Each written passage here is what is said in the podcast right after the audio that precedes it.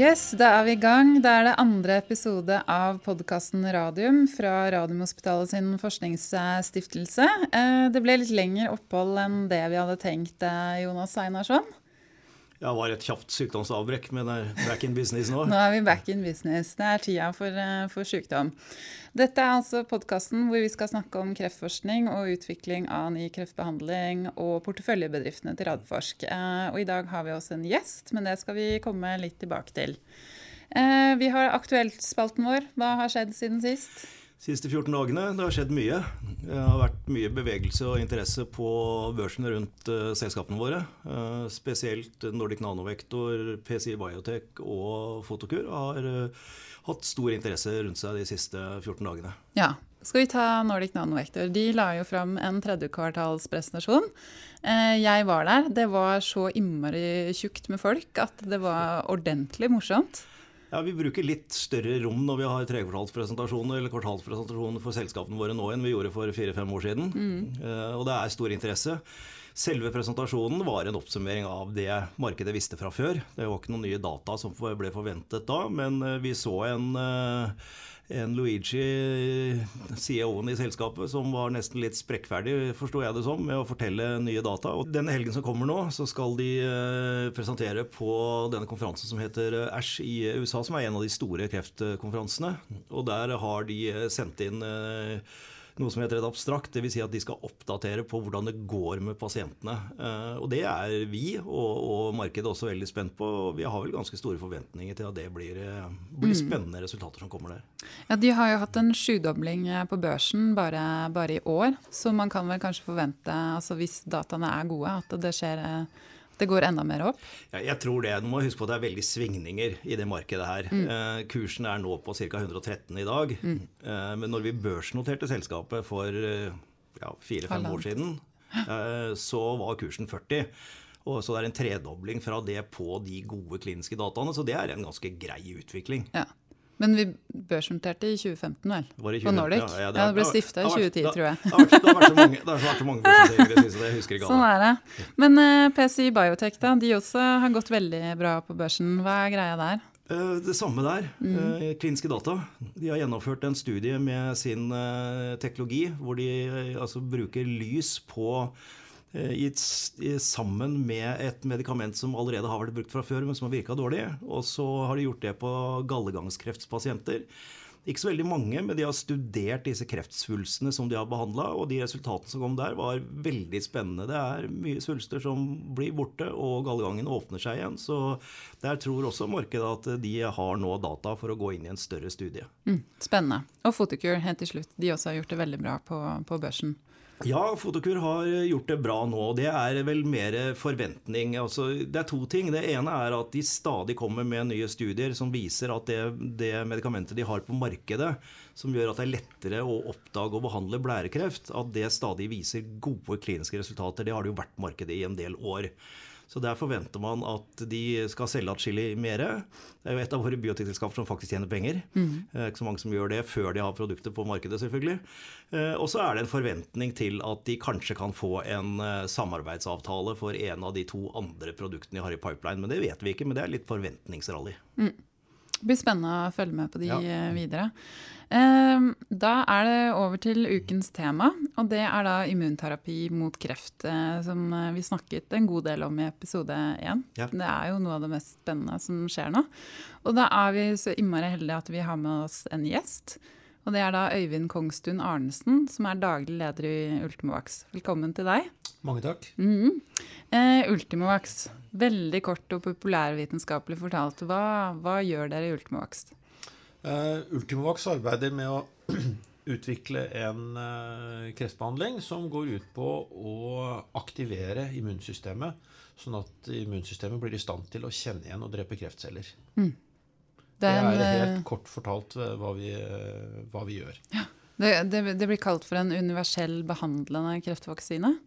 Ja, det er riktig. Og den er universell fordi eh, de, du, når du skal lage noe som immunsystemet skal kunne kjenne igjen, og lære seg å angripe eh, kreftcellene, så må kreftcellene ha noe på overflaten som immunsystemet kan eh, kjenne igjen. Mm. Sånn at de vet at dette er en kreftcelle, og den cellen skal drepes. Mm. Og da har det vi har, som, og vi bruker, som eh, å lære immunsystemet opp til å kjenne igjen, det fins på nesten alle kreftceller. Så det er en eh, universell eh, kreftbehandling, ja. Mm. Telemorase? Ja, telemorase. telomerase. Ja. Vi, vi kan være litt opplysende her. For de, Ja. for de innvidde Ja. så er det et, det er et enzym. Og det det enzymet hvis kort fortalt gjør, det er Alle celler de inneholder arvestoff. Og arvestoffet det finnes i pakker inni cellene, og de pakkene de kalles kromosomer. Og på enden av disse kromosomene så sitter det en liten sånn beskyttelseskapp, eller isolator, kan du kalle det. Og hver gang en celle deler seg, så blir det litt mindre igjen av den. Og når det ikke er noe mer beskyttelseskappe eller insulator igjen, så dør cellen. Og det er sånn det skal være. Det er naturens måte å, å sørge for at uh, gamle celler dør og nye kommer til. Men kreftceller de har jo akkurat den egenskapen at de kan dele seg uendelig mange ganger. Og det er fordi at eh, de har et eh, enzym som reparerer denne kappen hver gang det blir kutta en bit av den. Og den, det reparasjonsenzymet, det er telomerase. Kalles for telomerase.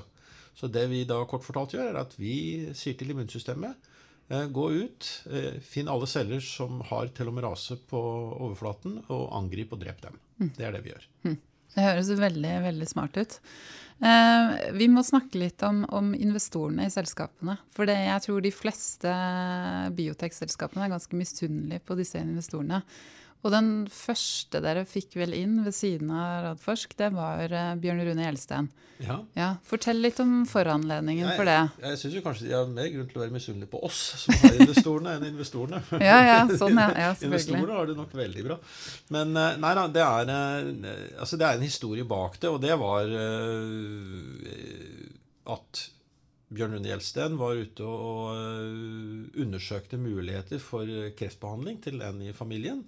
Eh, Og da kom flere ganger tilbake igjen og så fant opplysninger om eh, den forskningen som skjer på Radiumhospitalet rundt, eh, rundt dette med samspillet mellom immunsystem og kreft. Og så gikk man da ut og sier man til Gjelsten at i stedet for å donere penger til dette, så kanskje du har lyst til å være med og investere og bygge opp et selskap som kan gjøre det videre. Så sa han ja til det.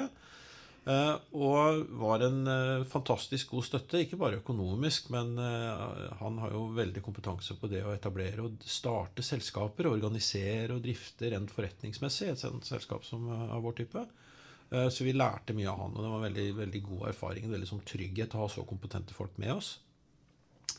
Og så ble dette ekspandert. Nå skal jeg også si at Invento, som er på å si Universitetet i Oslo, Oslo universitetssykehus sin avdeling for å kommersialisere gode ideer, eh, det var jo de som egentlig sto bak dette og liksom gjorde dette i praksis, og som også selv ble med som en, eh, som en stor investor. Eh, Men senere så har jo da styret i Ultimovax og administrasjonen vi har fokusert på og forsøkt å ha og rekruttere den typen investorer som Gjelsten, og det har vi lykkes med. Så, så vi, vi har nå en kombinasjon av Invento, Radiumhospitalets forskningsstiftelse, og disse sånne rike family offices som det pleier, som, eh, som er med oss, og som eh, både bidrar med penger, men også med kompetanse på drift av selskapet. Og det, det er veldig viktig. Ja, for oss er det Kjempeviktig. Ja, det er, jeg ser rundt meg og ser hvordan andre selskaper eh, har det, og hvordan de eh, jobber når de skal skaffe penger. Så eh, er jeg takknemlig. Men eh, dere har eh, produkter i klinisk eh, utprøvning. Kan du ikke fortelle litt om det? Jo, det er denne vaksinen som vi ikke snakket om. Og det bare sånn rydde det av veien med en gang. For med en gang man sier ordet vaksine, så tenker folk forebygging. Men vår vaksine er ikke til forebygging. Den er til, til behandling. Terapeutisk vaksine eller behandlende vaksine. Um, den kommer fra Radiumhospitalet, fra forskning på Radiumhospitalet. Det er det som er utgangspunktet. Og den er en sånn, vi kaller det for en annengenerasjonsvaksine. fordi at akkurat det som er i vaksina, det er der fordi man har erfaring fra tidligere vaksiner. Og man, vi mener jo da at den vi nå arbeider med, at den vil være ha større sjanse for å lykkes og kunne bli en bedre behandling enn de, enn de forrige vaksinene. Eh, vi har prøvd den ut i tre krefttyper. Det er i prostatakreft, i lungekreft og føflekkreft. Mm. det som er veldig viktig for oss, og det er en sånn erkjennelse av at mest sannsynlig så vil vår vaksine fungere best i kombinasjoner med andre immunonkologipreparater. Og jeg skal, hvis jeg har tid, så kan jeg forklare kort Vi har hva det går masser av på. tid. Ja. Kjør på. Dette er veldig Eh, spennende. Ja, så hele, hele prinsippet med å liksom manipulere immunsystemet til å angripe og drepe kreftceller eh, Det at man er i stand til å gjøre det nå med ganske god presisjon, det er rett og slett fordi at nå har man så mye kunnskap om interaksjonen mellom immunsystem og kreft at man kan manipulere det. Det, det, er, det er grunnlaget for all immunterapi. Eh, og så kan man grovt dele immunterapi inn i to hovedgrupper. Eh, Det ene er det vi holder på med, som er at du eh, klarer å manipulere immunsystemet til å kjenne igjen og drepe kreftceller. Et eller annet som du finner på at eh, du syns er smart at immunsystemet skal kunne klare å kjenne igjen. Men så er det også sånn at for at immunsystemet skal fungere normalt, under helt normale forhold, og gjøre det det skal, som er å bekjempe infeksjoner av bakterier og virus og sopp og parasitter og alt mulig rart som kan komme inn i kroppen, for at immunsystemet skal gjøre det på en god måte, så må det også ha bremser. Og For hvis de bremsene ikke er der, så skyter immunsystemet over mål. Og så gjør det nesten mer skade enn det gjør gagn. Og det ser vi i noen sykdommer. og ved veldig alvorlige infeksjonssykdommer, altså sånn blodforgiftning og sånne ting, så er det faktisk ikke bakteriene som tar livet av pasienten. Det er immunsystemets reaksjon som dreper pasienten. Ja, men det blir så voldsomt. Det blir for voldsomt. Og amerikanerne vi har noe, Jeg har ikke funnet noe godt norsk ord for det. Amerikanerne kaller det for collateral damage. At det skyter over mål, og det ødelegger normalt vev like mye som det tar med seg det som det egentlig er ment å ta. Så disse bremsemekanismene er helt essensielle for et velfungerende og normalt immunsystem. Eh, disse bremsemekanismene er samtidig grunnen til at kreft klarer å etablere seg i kroppen. For de går liksom litt under radaren, og de, de, de, de eh, oppfører seg litt sånn som normalt vev, sånn at immunsystemet ikke ser det og ikke tar det. Og til, del, til dels bremses når immunsystemet prøver å angripe kreftceller, som du gjør uten noen form for behandling. altså Det skjer i kroppen hos alle kreftpasienter. Så vil immunsystemet prøve å gjøre noe med, kreften, men får det ikke til. Og det er fordi at bremsemekanismene slår inn. Det er tre behandlinger i, eh, som nå er i bruk i Norge i, i kreftbehandling, som er basert på et prinsipp om å skru av disse bremsene. Og de fungerer. De fungerer veldig godt hos noen få pasienter. Fordi det hjelper ingenting å skru av bremsene hvis det ikke er noe i immunsystemet som også er aktivert. Så for at disse, disse medisinene som skrur av bremsene på immunsystemet skal virke, så er pasienten helt avhengig av at immunsystemet og kroppen spontant tidligere har reagert på kreftsvulsten. Hvis de ikke har det, så skjer ingenting. Og da er det jo nokså sånn logisk å tenke at for de pasientene som ikke har hatt en sånn egenaktivering av immunsystemet, da er det smart å komme med en vaksine som vår. Så kombinasjonsbehandlinger, det å kombinere disse behandlingene som går både på å skru av bremser og å aktivere med en vaksine som vår, har vi stor tro på er framtiden. Og også det vi har gjort i kliniske studier, så peker det veldig på at vi er på sporet av noe som er helt riktig. Veldig spennende. Men eh, når, når kan man liksom forvente seg at dette her er eh, standardbehandlingen? Hvis det, hvis det fungerer? Altså dere skal gjennom eh, tre faser med klinisk utprøving. Hva er nå- tidshorisonten? Nå er det litt sånn, det, det, det, disse fasene som jeg var vant til å snakke om tidligere, de er litt oppmyket og litt uh, utydelige når det gjelder utvikling av immunonkologi, nettopp fordi at her er- blir det så mange ting som blir kombinert. Uh, Så du kan, jeg kan ta vår vaksine da, som eksempel. Så vi sier at vi vil ha eh, i slutten av 2018, begynnelsen av 2019, så vil vi kunne gi et tydelig svar på om en sånn kombinasjonsbehandling med vår vaksine, om den har noe for seg. Om, det er, eh, om, om det har noe for seg. Så vil vi bruke et par år til på å gjennomføre en ordentlig klinisk studie som dokumenterer at uh, denne kombinasjonen er eh, bedre enn eksisterende behandlinger. Da snakker vi sånn 2020-2021. Ja, 2020-2021 rundt der. Ja. Da bør vi være i mål. Ja, veldig spennende. Eh, Jonas, du også kjenner dette selskapet godt, sånn fra din, eh, din erfaring. Hva kan du si om eh, Ultimovax? Det er, er et veldig spennende selskap. Som Øyvind sier, så bygger det altså på pionerforskning her på Ramsdallet helt til 30 år tilbake. Mm. Og det er resultater fra de prøvebehandlingene som de nå har bearbeida og jobba videre med, og som gjør at teoretisk så bør dette virke. Mm. Og så prøver vi det nå etter mange år endelig ut i pasienter. Uh, og så vet vi ikke ennå hvor godt det eventuelt virker, men, men uh, all teori skulle tilsi at dette er rette veien å gå. Og det er heller ikke det eneste selskapet i vår portefølje som satser på dette, nemlig å kombinere forskjellige typer behandlinger. Og etter hvert så Dette er nesten som å ha en verktøyskasse. Mm. Hvis du skal mekke på en sykkel, så er disse som eh, Øyvind snakket om som bremser immunsvaret, det er en skiftnøkkel. Men hvis ikke mm. du har noe å holde igjen med mutteren på den andre sida, så får mm. du ikke til noe. Og til slutt så har du en hel verktøyskasse hvor du kan kombinere med mange forskjellige kombinasjoner. Kanskje. Men mm. veldig spennende, og et selskap som har levert på alt det de har lova uh, så langt. Så vi syns det er veldig spennende. Mm. Og det er veldig fascinerende å tenke på at 30 eh, år tilbake så, så, så man på dette her. Og da var det jo ikke så veldig mange andre som eh, holdt på med det eller hadde troa. Nei, jeg kan ta en liten anekdote. Gjør det. Gustav Gauderak er mannen bak, eh, forskeren bak dette og mye annet av det vi holder på med. Og han eh, jobba med immunterapi for 30 år siden, kanskje til og med enda lenger tilbake. Han var forskeren, og han jobba, skulle jobbe sammen med Steinar Omdal, som er vår ledende kliniker som leder utprøvingsavdelingen her. Mm. Og Steinar Omdal tente på ideen og hadde lyst til å jobbe med immunterapi. Og da hans mentor og advisor, rådgiver, han sa til Steinar Omdal da for 30 år siden at hvis du vil ødelegge karrieren din, så kan du fortsette med dette.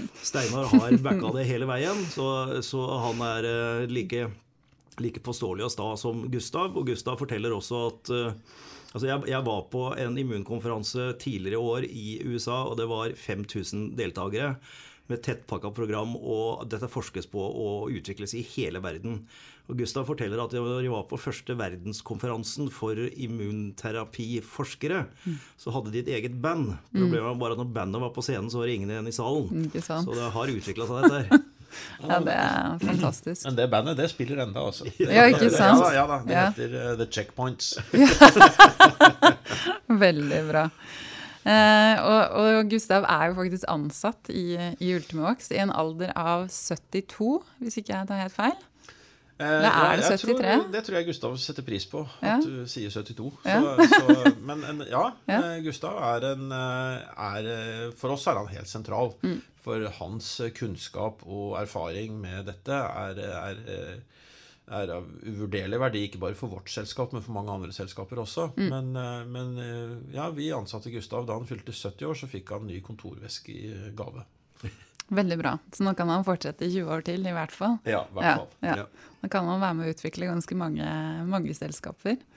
Um, og Steinar Amdal. Og så har vi en mann til, i og med at vi er inne på disse gutta her. Det er Gunnar Kvalheim. Ja. Og da har du de tre musketerer. Gunnar Kvalheim er, er, en blanding mellom kliniker og forsker. Han både behandler pasienter og forsker. Mm. Og har også, sammen med Gustav, eh, enda mer og nye spennende teknologier på gang, som mm. vi kan snakke om senere. Men det er også nye selskaper som kommer der nå. Ja, Disse tre musketerene de tror jeg vi må få i studio eh, en gang, sammen. Ja, Det kan i hvert fall bli en hyggelig podkast. Ja, det tror jeg veldig. De tror jeg har hatt det mye moro sammen også opp gjennom uh, åra. I tillegg til å ha gjort uh, fantastiske ting for, for, kreftpasienter og for forskningen. Uh, ja, er det noe annet om, om Ultimax som vi bør vite? Dere er blitt ganske mange. Jeg husker jo første, altså Når den ble stiftet, så var det jo Audun Tornes fra Invento som var liksom Første mann? Ja da, Audun eh, er den som formelt etablerte selskapet, og som gjorde veldig mye av eh, arbeidet for å få i gang de første kliniske studiene. Altså sette i gang produksjon av vaksine, eh, starte prosessen med patentering. Hvor vi forresten har fått patent i Russland og i Japan. Mm. Nå, Spennende. Vi, det ser positivt ut andre steder. Men Audun gjorde masse arbeid i egenskap av å være ansatt i Invento. Det var hans arbeidsoppgave som Invento-ansatt. Og så ble han leid ut til Ultimovax i seks måneder etter at jeg begynte, som en sånn overgangsperiode. Mm. Men så snakket Audun og jeg litt sammen, og så fant vi ut at uh, vi hadde veldig felles interesse i at han uh, gikk over og ble ansatt i selskapet. Mm. Og så har det liksom kommet litt etter hvert. Så kom Solveig Brekke inn for å håndtere de kliniske studiene. Så har vi fått Ingunn som forskningssjef, og så har det bare kommet på hele veien. Mm. Så nå er vi ti ansatte, men det er jo fortsatt så er vi jo et uh, lite selskap. og sånt, så, så vi smiler jo litt når vi snakker med amerikanske selskaper, og de spør hvor mange ansatte vi har i business development. Så, så, så, så er det Det er halve deg, er det ikke det? ja, jo. Og så har vi Hans Vaskoreid, på, Ja. som er eh, på finans Mm. og business development. Og um, Jens Bjørheim på medisin, og da Gustav.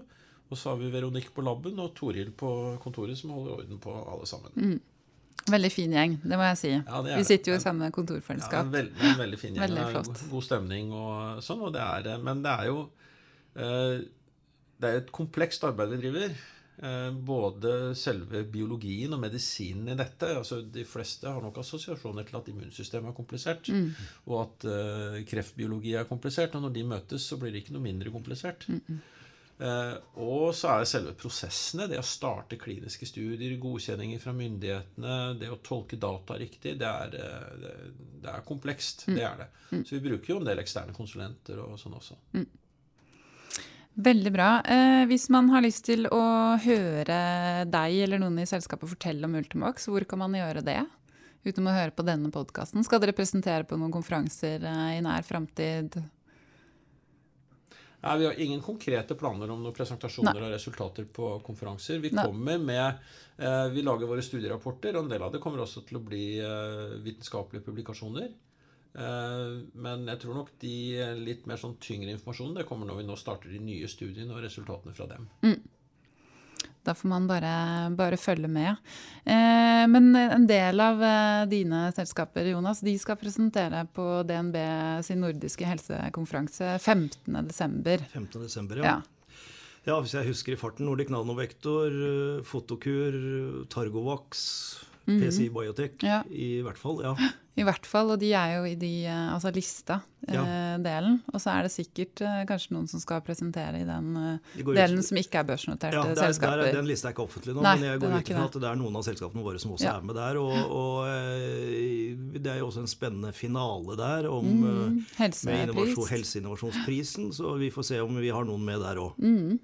15. desember, så der kan man i hvert fall gå hvis man har lyst til å undersøke litt mer om hva som skjer innafor ikke bare kreft, men også Medtech og andre. Absolutt. Det er healthcare-konferanse. Ja. Mm.